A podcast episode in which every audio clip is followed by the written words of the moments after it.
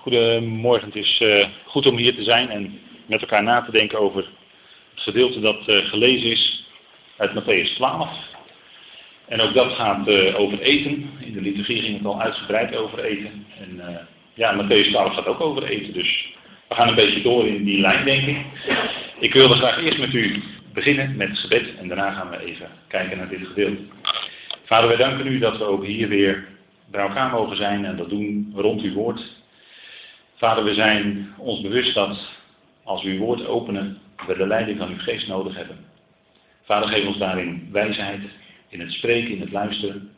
Geef ons een geopend hart, dat het ontvankelijk is voor uw woord. En dank u wel, Vader, dat we, Vader, een moment stil mogen staan bij dat wat u zegt. Wezenlijk voor ons leven, wezenlijk voor het uitzicht wat we hebben. Vader, dank u wel dat we mensen zijn met een enorm uitzicht. Vader, dank u wel voor de toekomst die wacht. Dank u wel voor het moment dat u nu geeft op weg daar naartoe. En dank u wel dat we zo alles van u mogen verwachten. Mag het zijn tot opbouw van ons geloof en bovenal tot eer en verheerlijking van uw naam. Bedank u daarvoor in de naam van uw geliefde Zoon, onze Heer, Jezus Christus. Amen. Ja, Matthäus 12 korenvelden en honger. Nou, die combinatie leidde ertoe dat er een gesprek ontstond, zoals die uh, vaak uh, plaatsvonden tussen uh, de Heer en degene die hem voortdurend volgde. En volgde in de zin van waar konden ze hem op vangen? Waar konden ze hem op een woord vangen? Konden ze hem klem zetten? Daar gaat het over in Matthäus 12. En dat staat natuurlijk in een verband. En in vogelvlucht gezegd, in Matthäus 9 gaat het om de oogst die groot is. In Matthäus 10 worden er arbeiders uitgestuurd in die oogst. In Matthäus 11 gaat het om onderwijs en prediking in een aantal steden. En de vraag over wie Jezus is. Maar dat moet u zelf al maar, maar eens nalezen. En dan in vers 20 tot 24 gaat het over gericht, over de steden waar Jezus sprak en waar hij wonderen deed. En waarin hij ook ongeloof ontmoette. En in vers 25 tot en met 30, wat toch een heel bijzonder stukje is in dat 11e hoofdstuk. Mijn juk is zacht en mijn last is licht. En met die woorden in gedachten, waarin de Heer zegt, neemt mijn juk op zich, want mijn last is licht en mijn juk is zacht. En dat is het juk wat de Heer geeft. En dat is anders dan het juk waar men onder gebut ging in die tijd. En waar vele christenen denk ik nog steeds onder gebut gaan. Onder het juk van een, een wettische instelling ten opzichte van Gods woord. En in vers, hoofdstuk 12 komt er dan zoiets naar voren over het wandelen en dan wandelen zij door de oogst. Dat is, uh, en dat gebeurt, en dat is niet, natuurlijk niet onbetekenend dat dat op dat moment gebeurt, op een van de sabbaten staat eigenlijk een meervoud. En op een van die sabbaten gaat de Heer dan met zijn discipelen wandelen. En dan gaan ze door de korenvelden. En dan krijgen de discipelen honger en dan plukken ze van dat koren. Hij ging, letterlijk staat door het gezaaide. En dat gezaaide dat was opgekomen. Zijn discipelen hadden honger. En nou, 1 en 1 is 2. Hè? Als je honger hebt en er is koren voorhanden, dan kun je die aarde plukken en je gaat daarvan eten. En dan is natuurlijk al de vraag van, ja, mag dat dan zomaar? dat, die vraag zou je kunnen stellen. Mag dat eigenlijk wel? En, en als je zo'n vraag stelt, dan uh, dat, dat getuigt al van iets. Hè? Als je de vraag stelt of iets wel of niet mag, want wij zouden zeggen, ja, je mag niet zomaar door het veld van iemand anders lopen en van die aarde gaan plukken en eten, want dat is eigendom van iemand anders, zouden wij zeggen. Maar in de Torah was erin voorzien. Dit mocht van de Torah wat ze deden. Of ook niet, het lag een beetje moeilijk. En daar begon dat gesprek juist over. Uh, ze begonnen adem te plukken en te eten. En uh, dat is het wettische denken. En dat is ons zo ingeslepen. We gaan ons afvragen, mag het nou wel of mag het nou niet? En als het nou niet mag en je doet het toch, dan ben je schuldig. En, en zo uh, kunnen we uh, ons hele leven doorgaan. En dan kun je natuurlijk met allerlei dingen gaan invullen. Wettisch denken. Ik denk dat het evangelie van Paulus, want Als we Paulus erop naslaan, dan zegt Paulus dat heel de schrift nuttig is tot lering en tot onderwijzing. Nou, we zitten hier niet in de brief van Paulus, in een ander deel van de schrift, maar ook dit gedeelte is nuttig om uit te leren en het contrast ook te zien met datgene wat Paulus aanbrengt. En Paulus' boodschap is natuurlijk genade. Genade die je losmaakt van een manier van denken, een manier van wettisch denken, die, uh, ja, waardoor je steeds maar uh, als mens je, schuldig voelt en, en, en uh, mensen krijgen daar soms hele, dat, dat kan heel ver gaan in mensenlevens. Dat kan heel ver gaan. Mensen komen daardoor zelfs in inrichtingen terecht, psychiatrische inrichtingen. Zal u gedacht zijn hoeveel dat er zijn. En, en het geweldige is dat het, het evangelie en, en, dat, en, en die boodschap van genade, die, hè, die genade die klinkt ook in dit gedeelte al een beetje door. Bij Paulus voluit. Paulus mocht als het ware die sluizen van Gods genade vol openzetten. En hij heeft het over Romeinen 3 en Romeinen 5. Geweldige hoofdstukken. Daarin gaan de sluizen van de genade open. En ehm, als de genade, eh, als je die boodschap leert kennen, dan, dan is waarschijnlijk uw ervaring dat dat jaren duurt voordat die genade ook echt in je systeem zit. Van binnen zit bij je zodanig dat je daar ook uit kunt leven. Want dat is nog wat anders. Genade leren kennen. Als je het oppervlakkig leert kennen, dan zeg je van, oh ja, je mag zeker alles maar. Ja, dat is mooi. Dat is een mooie boodschap. Alles mag. Alles is toegelaten. Alles wordt getolereerd. Nee, zo is het niet bij genade. Maar het kost jaren om die genade goed te leren kennen. En dat het ook een deel van jezelf wordt en dat je bij jezelf ook gaat onderkennen daar waar je denken uh, zo nog is. Hè? die denken, mag het nou wel of mag het nou niet? En dat je daar dan loskomt en leert denken en, en leven vanuit genade. Dat is uh, de Bijbelse boodschap uiteindelijk. Hè? Als je bij Paulus terechtkomt. En daar willen we graag terechtkomen en ook heel graag bij blijven. Dat wel. En in de Torah stond namelijk, wanneer u in het staande koren van uw naaste komt, mag u met uw hand aarde plukken. Dus wat de Heer en zijn discipelen deden, ja, vanuit de Torah, vanuit de onderwijzing die God gegeven had aan het volk, er was niks mis mee. Er was niks mis mee. Er staat hier in, in de Torah, Deuteronomie. Maar, er was wel bij aangegeven, maar u mag niet de sikkel slaan in het staande koren van uw naaste. Dus je mag niet dat koren vervolgens ook nog eens gaan oogsten. Als je honger hebt, mag je aarde plukken en die honger op dat moment stillen. Nou, dat is wat de discipelen deden. Met de Heer. En de, de crux van het verhaal, of waar nou het probleem zat, was dat ze dit op Shabbat deden. Daar zit natuurlijk het probleem. Dat was, dat was de rustdag. Dat was de dag waarop gevierd werd de rust gevierd werd, zou je kunnen zeggen. In het woord Shabbat zit ook terugkeren. Dat heeft te maken met dat je terugkeert in je huis en dat je in je huis rust hebt. Dat je stopt van je werken. En, dat was een, een inzetting die heel nadrukkelijk aan Israël gegeven was. En dat, de, de orthodoxe joden die vierden dat. En dan op vrijdagavond wordt het Shabbat en dan, uh, dan uh, zingen ze en jubelen ze en dan komen ze uit de yeshiva's enzovoort. En misschien heeft u dat wel eens gezien in Jeruzalem. En dan, dat is het begin van de Shabbat. Dat is het stoppen met werken. En dan gaan ze de Shabbat vieren. Het is een terugkeer. Hè? Het Hebreeuwse woord shuv, waar Shabbat mee begint, dat betekent terugkeren. Terugkeren tot de rust. Maar dan kwamen de fariseeën. En dat was een strenge, dat waren de orthodoxen van die dagen. De meest orthodoxe. Orthodox wil zeggen, degene die het strengst vasthielden aan de leer. En de leer bedoel ik dan het judaïsme. Dus het religieuze jodendom. En dat is eigenlijk een, een bijna een pleonasme als ik dat zeg. En zeg ik eigenlijk twee keer met twee woorden hetzelfde. Maar de fariseeën, die zeiden, de fariseeën dat, dat, dat, dat waren de apart gezet. Hè?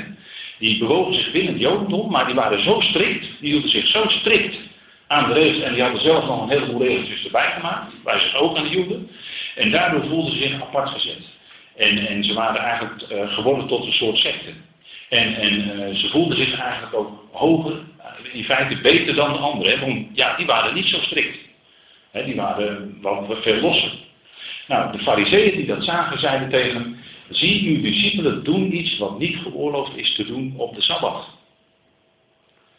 Dus aan de ene kant mocht het wel van de Torah, om het zo maar te zeggen, maar ze deden het op Shabbat.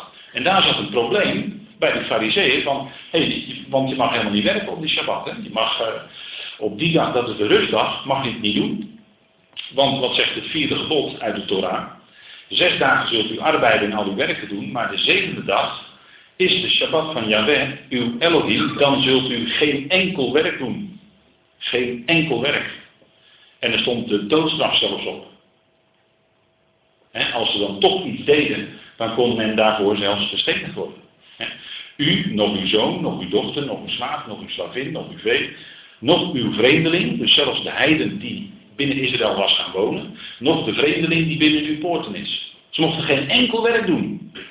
En wat deed de Heer en zijn discipelen? Ze plukten aarde en ze op Shabbat. Fout, zeiden de fariseeën. Fout. Want je mag niet werken op de Sabbat. En dat, daarmee wilden ze de Heer natuurlijk klem zetten of tot een uitspraak uit, uit een los krijgen. Een uitspraak die niet klopte, waarop ze hem zouden kunnen pakken. Want als de Heer dan na deze geschiedenis die man in de synagoge geneest met die verlamde hand, dan besluiten ze daarna dat ze hem willen doden. zo was het, zo waren ze bezig. Ze wilden hem vangen met het oogmerk dat ze hem zouden kunnen doden zelfs. Zo waren ze bezig die fariseeën. En dan heel strikt, ze kenden zo goed die Torah. ja, nee, maar als je strikt kijkt, vierde gebod, mag niet werken op Sabbat. En dan zegt de Heer tegen hen, en de antwoorden die de Heer geeft, die zijn altijd verbluffend. En daar konden ze ook geen antwoord op teruggeven. Als je de Evangelie leest, is dat elke keer aan de hand. ze konden hem niet vangen op zijn woorden. En dan zegt hij, maar hij zei tegen hen, hebben jullie dan niet gelezen wat David deed toen hij honger had en zij die bij hem waren? Notabene moet je tegen de fariseeën zeggen, dit, was heel, uh, dit was heel fijntjes zo even aangegeven. Hè. Die fariseeën die bij, wijze van spreken dag en nacht bezig waren met de Torah, met de Tenach. En zei tegen hen, hebben jullie dan niet gelezen dat? Want denk erom dat de Heer zijn Tenach heel erg goed kende. En dus beter de geestelijke betekenis kende dan die fariseeën. Hebben jullie dan niet gelezen wat David deed toen hij honger had en zij die hem waren? Hebben jullie dan niet uit de profeten gelezen? Zij proberen hem uit de Torah te vangen en hij citeert uit de profeten, uit Samuel. dit, is een, dit is een verwijzing naar 1 Samuel 21. En een hele bijzondere verwijzing. Want de Heer doet nooit zomaar een verwijzing, maar dit is een hele bijzondere. En David was natuurlijk enorm. Hè? Dat was de grote koning. Dat was voor de Joden heel belangrijk. Uh, iemand en, en, iemand als David zou komen en die verwachten ze. En, en, en ook een profeet als Mozes. Maar David, ongelooflijk belangrijk. Vandaar dat de Heer verwijst naar David. Hebben jullie dan niet gelezen wat David deed? En toen was David op de vlucht voor koning Saul. Hij was eigenlijk al gezalfd tot koning, David. Maar hij was nog niet geopenbaard als koning zijnde. Dus hij, hij was als het ware wel koning, maar verborgen, zou ik kunnen zeggen. En dan komt hij bij de priester Achimelech. Hij verwijst naar 1 Samuel 21. En dan komt David in Nop. En Nop, dat, eh, dat woord houdt ook verband met het woord profeet, hè, Navi. Nop, hij komt bij de priester Achimelech. En ehm, die priester, ja, die heeft een hele mooie naam. Die betekent namelijk, mijn broer is koning. Mijn broer is koning. En David, de in principe tot, al tot koning gezalfde, kwam bij hem.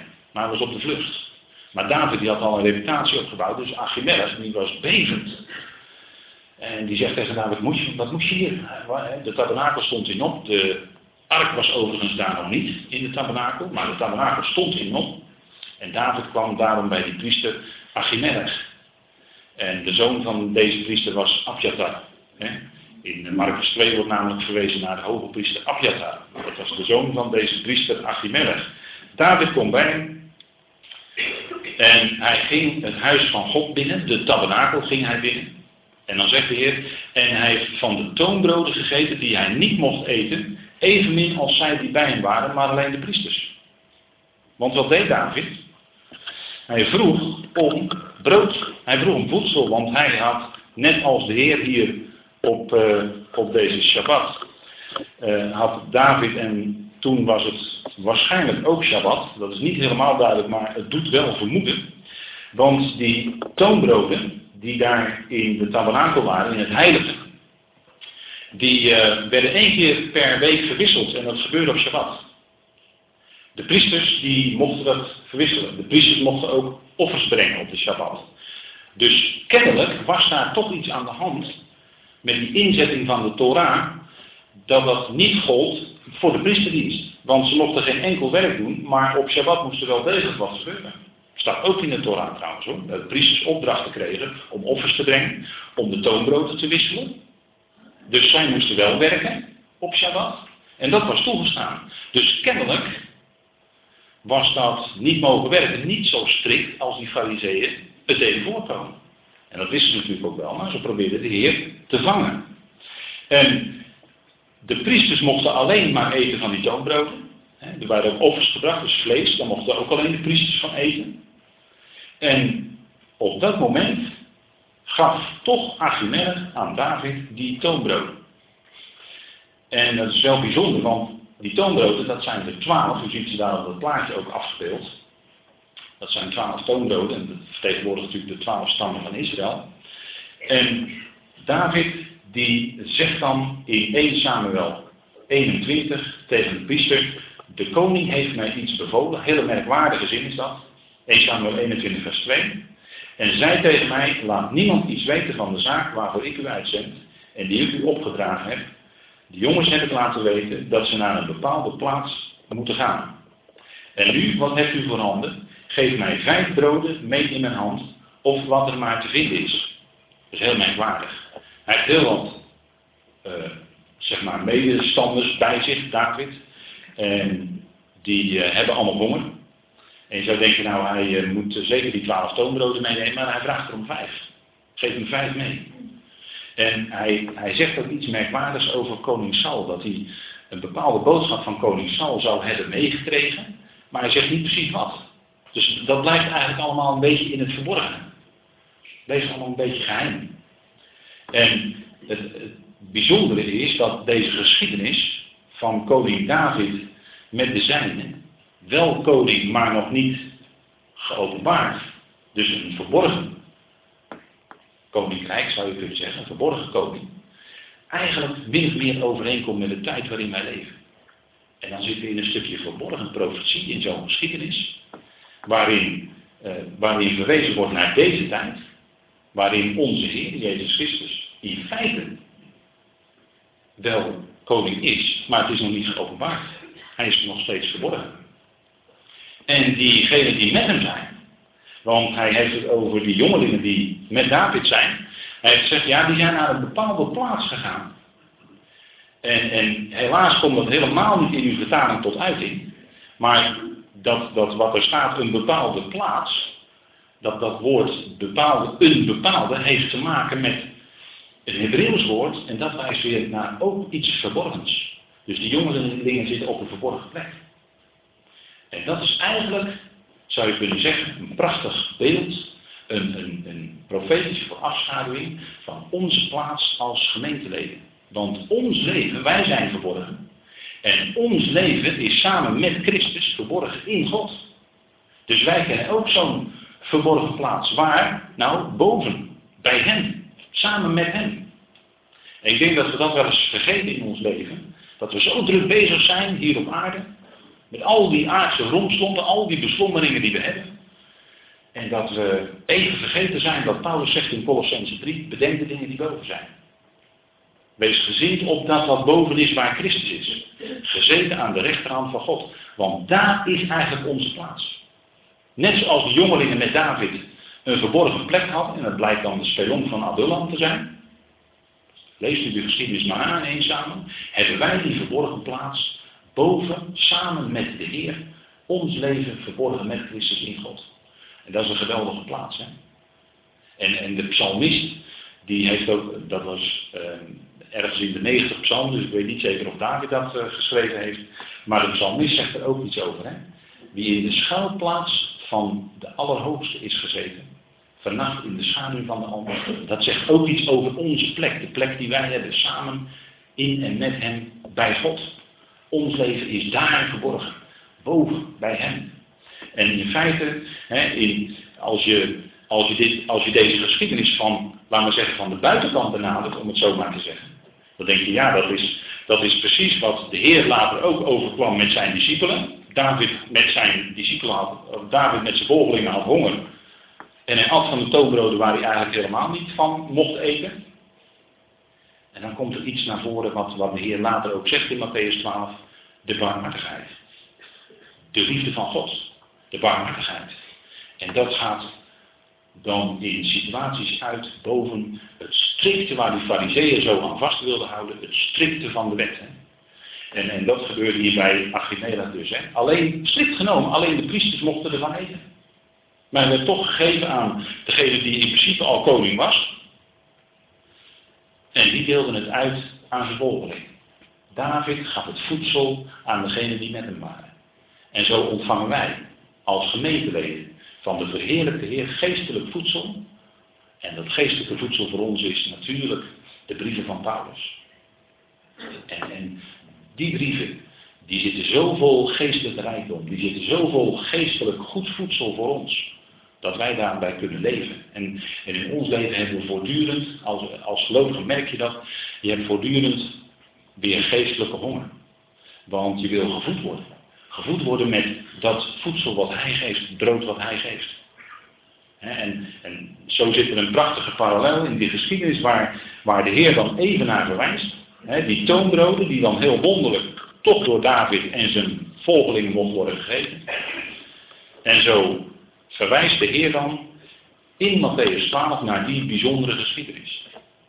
En, en als je uh, daarnaar kijkt, dan zeg je ook van, hé, hey, daar wordt in die geschiedenis met David, wordt toch een stukje barmhartigheid zichtbaar. Dat bij gelegenheid het dus niet strikt vast werd gehouden aan de wet van alleen de priesters mochten ervan eten en degenen die langskwamen en honger hadden, die kregen niks. Nee, de barmhartigheid zei, jullie krijgen het brood mee.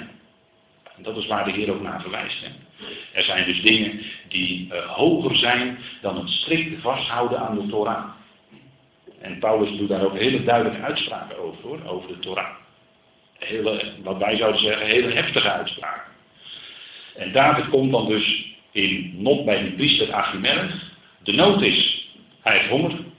En de barmhartigheid voorziet dan in voedsel. Dat is de liefde en de barmhartigheid van God. Nou, uh, de Torah zijn namelijk in Leviticus 24 alleen de priesters mochten van de toonbroden eten. En één keer per week op Shabbat werden ze gewisseld. David ging de tabernakel binnen, hij vroeg om brood en de priester gaf het. Dat is toch heel bijzonder hoe dan eigenlijk vanuit de barmhartigheid wordt voorzien in geestelijke, hier lichamelijke nood, maar in feite hè, bij ons als het geestelijke nood is, dan is er geen beter geneesmiddel, om het zo maar te zeggen, dan de geweldige woorden die de Heer spreekt, de verheerlijkte Heer door de apostel Paulus. Er is geen beter geneesmiddel om je hart, wat misschien verwond is, te herstellen. Hè, dingen die je zijn aangedaan door allerlei gebeurtenissen misschien. Dat kan. Maar er is geen betere troost, er is geen betere bemoediging dan wat we bij de apostel Paulus vinden. Denk aan een geweldig hoofdstuk als Romeinen 8. Dat het niet buiten God omgaat. Dat hij werkelijk alles hè, doet samenwerken ten goede. En hoofdstuk 8 dat is ook het hoofdstuk waarin hij spreekt over het lijden. En denk erom dat Paulus geleden heeft. hij vulde in zijn vlees aan wat ontbrak, ontbrak notabene aan het lijden en de verdrukking van Christus. Nou, dat is heel wat geweest. En hij ondervond zelf troost en bemoediging, waarschijnlijk uit de woorden die hij zelf gesproken en geschreven had. Bijzondere woorden van de Heer Heer. En, en dat gaf hem uh, verzachting en dat, dat zijn hart, wat uh, misschien verwond was, als hij weer eens geestelijke stenen naar zijn hoofd had gekregen. Als hij weer eens niet geaccepteerd werd in de synagoge. Als hij weer eens verworpen werd, misschien door zijn eigen broeders. En, en al dat soort zaken kun je overkomen als gelovige. Dat, dat je je buitengesloten voelt. Bijvoorbeeld omdat je gelooft dat kan. Dat, dat, dat is een stuk lijden, geestelijk lijden. Nou, dan, dan is er brood, dan is er voedsel, geweldig brood, geestelijk voedsel dus bedoel ik dan, bij de apostel Paulus verkrijgbaar. En daarom zou ik zeggen, sla die brieven er steeds op na. Laat je daardoor opbouwen, laat je daardoor bemoedigen, want dat is wat we nodig hebben als we geestelijk honger hebben. En nood breekt wetten, zeggen we dan wel eens. Nou, David had met zijn volgelingen als het ware verboden brood. Hè? En de Heer met zijn discipelen aten op Shabbat, in principe strikt genomen verboden om dat te doen op die dag. Maar het gebeurde wel. En eh, ook al moesten ze daarvoor werken, hè? ze moesten die aarde plukken, wrijven en dan in de mond doen. Ja, er moest een stukje arbeid voorgericht worden. En dan zegt de Heer opnieuw tegen die fariseeën notabene, die de Torah zo goed kenden. Of hebben jullie dan niet gelezen in de Torah? Notabene in de Torah, waar ze altijd mee bezig zijn. Het hele jaar door lezen in de Torah en in de profeten en, en dat bestuderen. En dan zegt hij notabene tegen hebben jullie dan niet gelezen in de Torah?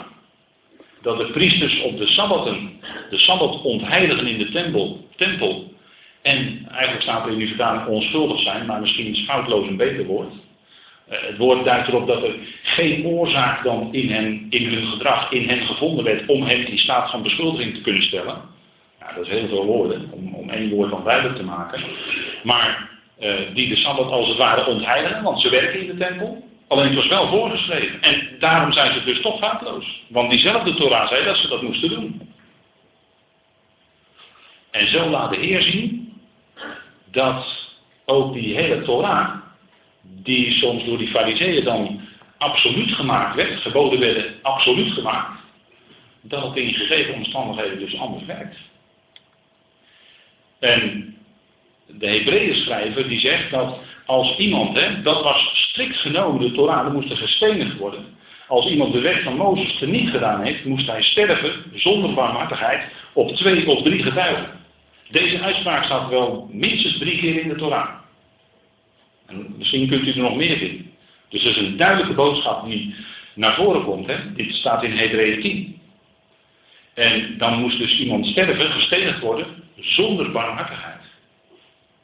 Het is de vraag of in de praktijk al die geboden of verboden waarop steniging als doodstraf stond, of dat ook werkelijk uitgevoerd is. Dat is maar de vraag. Maar strikt genomen zal het wel zo. Paulus zegt ervan, het is een bediening van de dood. In 2 Korinthe 3. En eh, dat is wat Hebreeën schrijver hier ook op doelt. Hè? Zonder barmhartigheid. En waar het nu om gaat in, deze, in dit stukje geschiedenis, is dat Heer, wat de Heer Jezus hier zegt. Maar als u geweten had.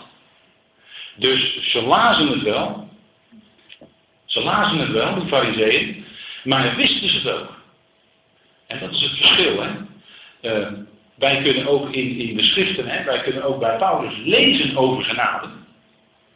Maar weten we dan ook wat genade is? Dat wil zeggen, weten we dan met ons hart, met ons hele wezen wat genade is? Of ontdek je misschien nog na 10, 20 jaar dat je, dat je de boodschap dan wel hebt aanvaard van genade, maar dat je in feite nog wettisch denkt? Dat zou kunnen. En dan is, dan, dan is dat weten van de genade, dat weten van de genade is nog niet, kennelijk, nog niet doorgedrongen. Tot in je vezels, zou ik bijna willen zeggen. Zoals bij Paulus, die Saulus was. Hè? Hij was Saulus, een hele strikte fariseer. Hij was naar de wet een fariseer, zegt hij in Filippenzen 3. Maar dat die genade echt doordringt, die hele wezen, dat het je helemaal doordringt. Zoals bij Paulus was het ook een groei. En zo is het bij ons ook een groeiproces. Dat die genade helemaal doorwerkt tot in, tot in je diepste wezen. Dat is een heel lang proces. En daarom is het steeds nodig bij herhaling te lezen wat Paulus zegt. Te lezen wat Paulus schrijft. En de Heer wijst daarop, op de liefde van God. En dat, dat klinkt natuurlijk bij Paulus aan alle kanten door.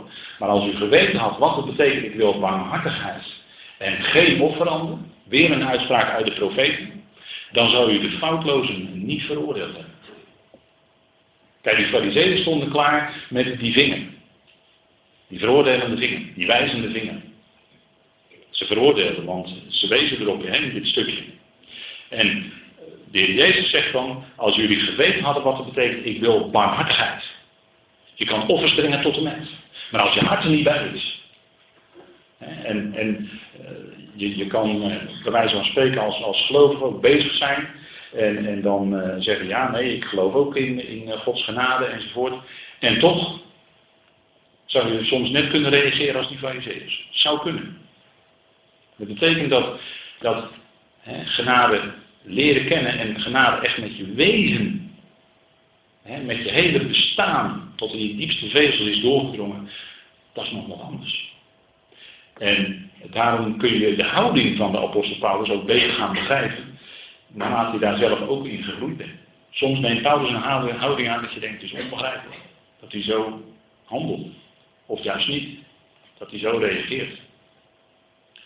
Maar dat veroordelende, hè, dat was bij die fariseeën heel erg aanwezig. En dat kende Paulus natuurlijk ook uit zijn eigen leven, toen hij Saulus was. En dan zegt de Heer, want de zoon des mensen is Heer ook van de Sabbat. En hier verwijst de Heer in feite niet alleen, hij verwees al eerder naar David, maar hier verwijst hij ook in feite naar Adam. De zoon des mensen is eigenlijk een enkelvoud. We zeggen zoon van de mens. De zoon van Adam. Dus hij verwijst naar Adam.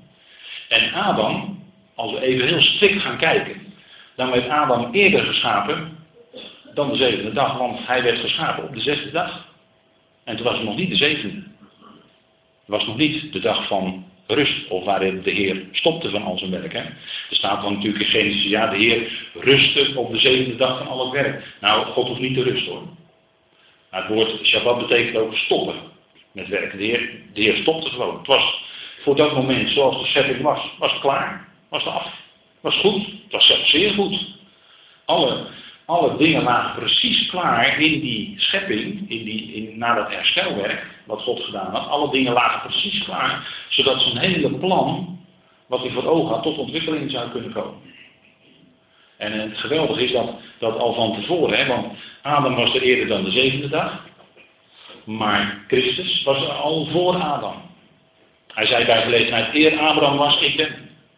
Hij had ook kunnen zeggen, eer Adam was, ik ben. Want hij is de schepper. Of God werkte zijn schepping uit door hem, in en door hem. En dat, dan denk ik gelijk aan een machtige uitspraak van apostel Paulus in Colossense 1. dat is iets wat je, dat, dat is zoiets geweldigs als er staat dat, dat in hem en door hem en tot hem het al is geschapen. Betekent dat dus. Hè? In hem en door hem en tot hem is het al geschapen. In wie? In de zoon van zijn liefde. Een geweldige uitspraak doet apostel Paulus daar. En dan, dan heb je gelijk antwoord. Soms uh, hoor je dan filosofen en, en, of natuurkundigen en die denken nog na over de oorsprong van het heelal. En die vragen zich dan af of God het heelal dan wel geschapen zou hebben. Vraagteken. Knapste natuurkundige van deze tijd, Stephen Hawking. Die vraagt zich dan af. Maar het is gewoon heel eenvoudig. Ik zou zeggen, joh, lees Colossense. Er staat dat God in hem en door hem en tot hem het al heeft geschapen. Lees het en geloof het. Heb je gelijk het antwoord. In hem. Want Christus is het antwoord op alle filosofie. We hebben geen filosofie nodig, we hebben hem nodig. Christus is het antwoord op, op welke religie dan ook. Hè? De fariseeën waren bezig met religieuze vragen. Of het dan wel of niet was toegestaan. Ze hadden degene nodig die voor hen stond, notabene. Hun Heer. De Messias, die ze niet herkenden als Messias. Maar hem hadden ze nodig. Want hij is het antwoord op alle vragen die we hebben, ten diepste. En dat antwoord vinden we in, in de hoogste en diepste zin bij Paulus. En, uh, de Heer zegt dan hier dit verbluffende, want de zoon des mensen is Heer ook van de Sabbat. Natuurlijk. Hij was er veel eerder dan dat er ook maar enige Sabbat bestond. En wat eerder is, is hoger dan hoor. Hij was er eerder, dus hij was hoger dan de Sabbat. En als hij bepaalt dat zijn discipelen op Shabbat koren mogen plukken, dan is er geen enkele onderwijzing, ook al komen de fariseeën ermee aan, die dat kan verhinderen. En, en in, in Marcus 2, en dat kunt u er tegenaan leggen, in Marcus 2 staat ook dat uh, de mens is niet gemaakt om de Sabbat, maar de Sabbat is gemaakt om de mens. Dus het is andersom. En uh, ook datgene waar de Shabbat van spreekt, daar zou je naar moeten kijken. Want dat betekent tot rust komen. Tot rust komen van je eigen werk. Je kunt zo hard rennen en bezig zijn. Goed bedoelend. Maar met eigen werk word je ook moe van. Maar laten we ingaan in de rust. Welke rust? Nou, die van, de Sabbat, die van het geloof natuurlijk. De rust van het geloof. Dan kom je tot rust van je eigen werk. En dan werk je en leef je in en door geloof. Geloof de schriften. En dat is wat je tot rust brengt. Want dan besef je ook dat het niet meer gaat om jou. Of om jouw kracht. Maar dan ga je beseffen dat het gaat om hem en om zijn kracht. En die kracht, die gaat ons verstand boven. En Paulus, die zei ook van, ja maar ik heb meer gearbeid dan ze allen. Maar dat was geen trots hoor, van Paulus. Dat was juist ook moedig, want hij zei, maar niet ik. Maar de genade van God die met mij is. Die stelde mij in staat om dat te kunnen doen. En dat Paulus wilde, was Gods werk in Dat Paulus werkte, ook Gods werk in Dat Paulus geloofde, alles. Uiteindelijk zijn we in alles van hem afhankelijk. Maar het is soms zo moeilijk om dat te erkennen als mens. En daarom zei de Heer ook in dit stukje hier vlak voor, leer van mij. En, en wie is dan diegene van wie we kunnen leren? Dat is degene die nederig is, die zachtmoedig is en nederig is van hart. En als je zachtmoedig bent en nederig van hart, dan uh, heb je geen moeite om te accepteren dat het alles zijn werk is. Dat je de dingen kunt doen in het leven door zijn kracht. Soms wordt, uh, Soms word je wel eens voor de voeten geworpen van ja, je hebt het altijd maar over genade. Dat betekent dan zeker dat je in een luie tuinstoel op het strand gaat zitten en helemaal niks meer doet. Nou ja, goed, ik, eh, dat, uh, zo zeg ik dat uh, nooit. Want zo is het helemaal niet. Als de schrift op naast staat, is juist Paulus degene, heb ik net gezegd, die meer gearbeid had dan de andere apostelen. Die had zich meer ingespannen. Dat bewerkte die genade in zijn leven. Meer inspanning dus. Dat zijn dingen, en zo had Paulus allerlei dingen die hem naar hem toe werden geworpen, maar bij de Heer was het precies eender. Uh, hij zegt, ik ben zachtmoedig en nederig van hart. En dan staat er ook bij, hè, wat de Heer daar zegt, dat is zo geweldig, hè, in dat 29e vers van, van Matthäus 11. En u zult rust vinden voor uw ziel. Ah, oh, heerlijke, echte rust vinden voor je ziel. Dat is rust van het geloof. Dat is de Shabbat die dan bij je binnenkomt van het geloof, de rust van het geloof. Want daar spreekt de Shabbat eigenlijk ten diepste van. Dat is geestelijke betekenis. De rust van het geloof. Lees het maar na, Hebreeën 3, 4, daar staat het. Dat is de rust die wij vinden. En je zult rust vinden voor je ziel. Neemt mijn juk op. Wat is het juk van de Heer? Nou, dat is, dat is niet het juk van het oude verbond, van de wet. Eh, heel erg je gaan inspannen om te proberen aan die wet te voldoen. Want dat juk hadden de fariseeën en dat wilden ze graag opleggen. En daarom zei Petrus later dat het nog wij, nog onze vader hebben kunnen dragen. Handelingen 15. Dat juk was niet te dragen, was niet te doen. De Torah maar ook al die gebodjes en verbodjes die ze bij hadden gemaakt. Helemaal niet. Nee, de Heer zegt, nee, mijn juk op je. Zijn juk. Leven door en uit geloof. Leven in het besef dat het een en al genade is. Dat wat wij kunnen doen, is genade. Dat wat we mogen doen, is van Hem. En Hij geeft daarvoor de kracht. Hè? Laten we dan luisteren naar die zoon van Adam, die is inderdaad Heer van de Sabbat. Zullen wij de Heer daarvoor danken. Heer, dank u wel dat u ons werkelijke rust geeft. Echte rust van binnen. De rust van uw genade. Waarmee u de apostel Paulus, toen hij nog Saulus was, overweldigde. Vader, zijn gedrag was totaal tegengesteld aan dat u hem genade zou, dat u hem zou schenken, iets zou schenken. Maar dat is nu juist genade, vader. U overweldigde hem met genade, op weg naar Damascus. En dat bracht een totale, radicale ommekeer in zijn leven. Vader, dank u wel dat Saulus schouders werd. En die machtige boodschap van Gods liefde en van Gods genade mocht brengen. In een wereld die duister was. En het geeft licht in harten die misschien nu nog duister zijn. Heer, maar als u het licht aandoet in ons hart, dan verlicht u ons leven. En dan wordt het allemaal anders. Dan blijkt dat alles op zijn kop gezet was in ons leven en alles komt weer recht, recht te staan. Vader, dank u wel dat u die boodschap van de barmhartigheid predikt. Van genade, Vader, dat uitgaat boven al dat strikte, Vader, wat mensen soms willen. Vader, dank u wel voor zo'n onderwijzing. Dat al wat geschreven is, Vader, inderdaad tot onze lering is geschreven. En tot opvoeding in de gerechtigheid. Vader, dank u wel dat u ons zo de weg wijst. En dat we de grote lijnen zien. Ten diepste van uw plan. De diepste diepste bij dat wat Paulus heeft mogen opschrijven. Vader, dank u wel dat we zoveel licht en zoveel zicht hebben. Vader, en dank u wel dat we ja, ook leren, Vader, een stukje bij lezen. Om uw woord te verstaan, daarvan uit. Vader, dank u wel dat u ons bemoedigt. Dat u ons opbouwt. Dat we in ons leven waarin het soms kan stormen. Vader, waarin de golven hoog kunnen gaan. Dat niettemin u, Heer, nabij bent. En dat u zorgt Vader, dat u wonderlijk voorziet, altijd op het juiste moment in wat nodig is. Dank u wel, Vader, voor die geweldige geestelijke rijkdom die ons geschonken heeft. Voor dat uitzicht, voor die rust. En Vader, dat we ook heel anders mogen aankijken tegen zaken die voor veel mensen nog moeilijk zijn als het gaat om, om wet of genade. Als het gaat om de onderwijzing die u gaf en hoe dat zit. Vader, dank u wel dat u ons leert en onderwijst. Vader, en dank u wel dat we zo hier dit moment met elkaar mochten beleven. Dat u ook het verdere van deze dag en de komende weken ons genadig nabij zijn. Bij datgene wat wacht, misschien moeilijke dagen of anderszins. Vader, dank u wel dat u nabij bent. En dat we door u gevoed en gekoesterd worden. Vader, wij danken u met over een prijs daarvoor in de machtige naam van uw geliefde zoon. Amen.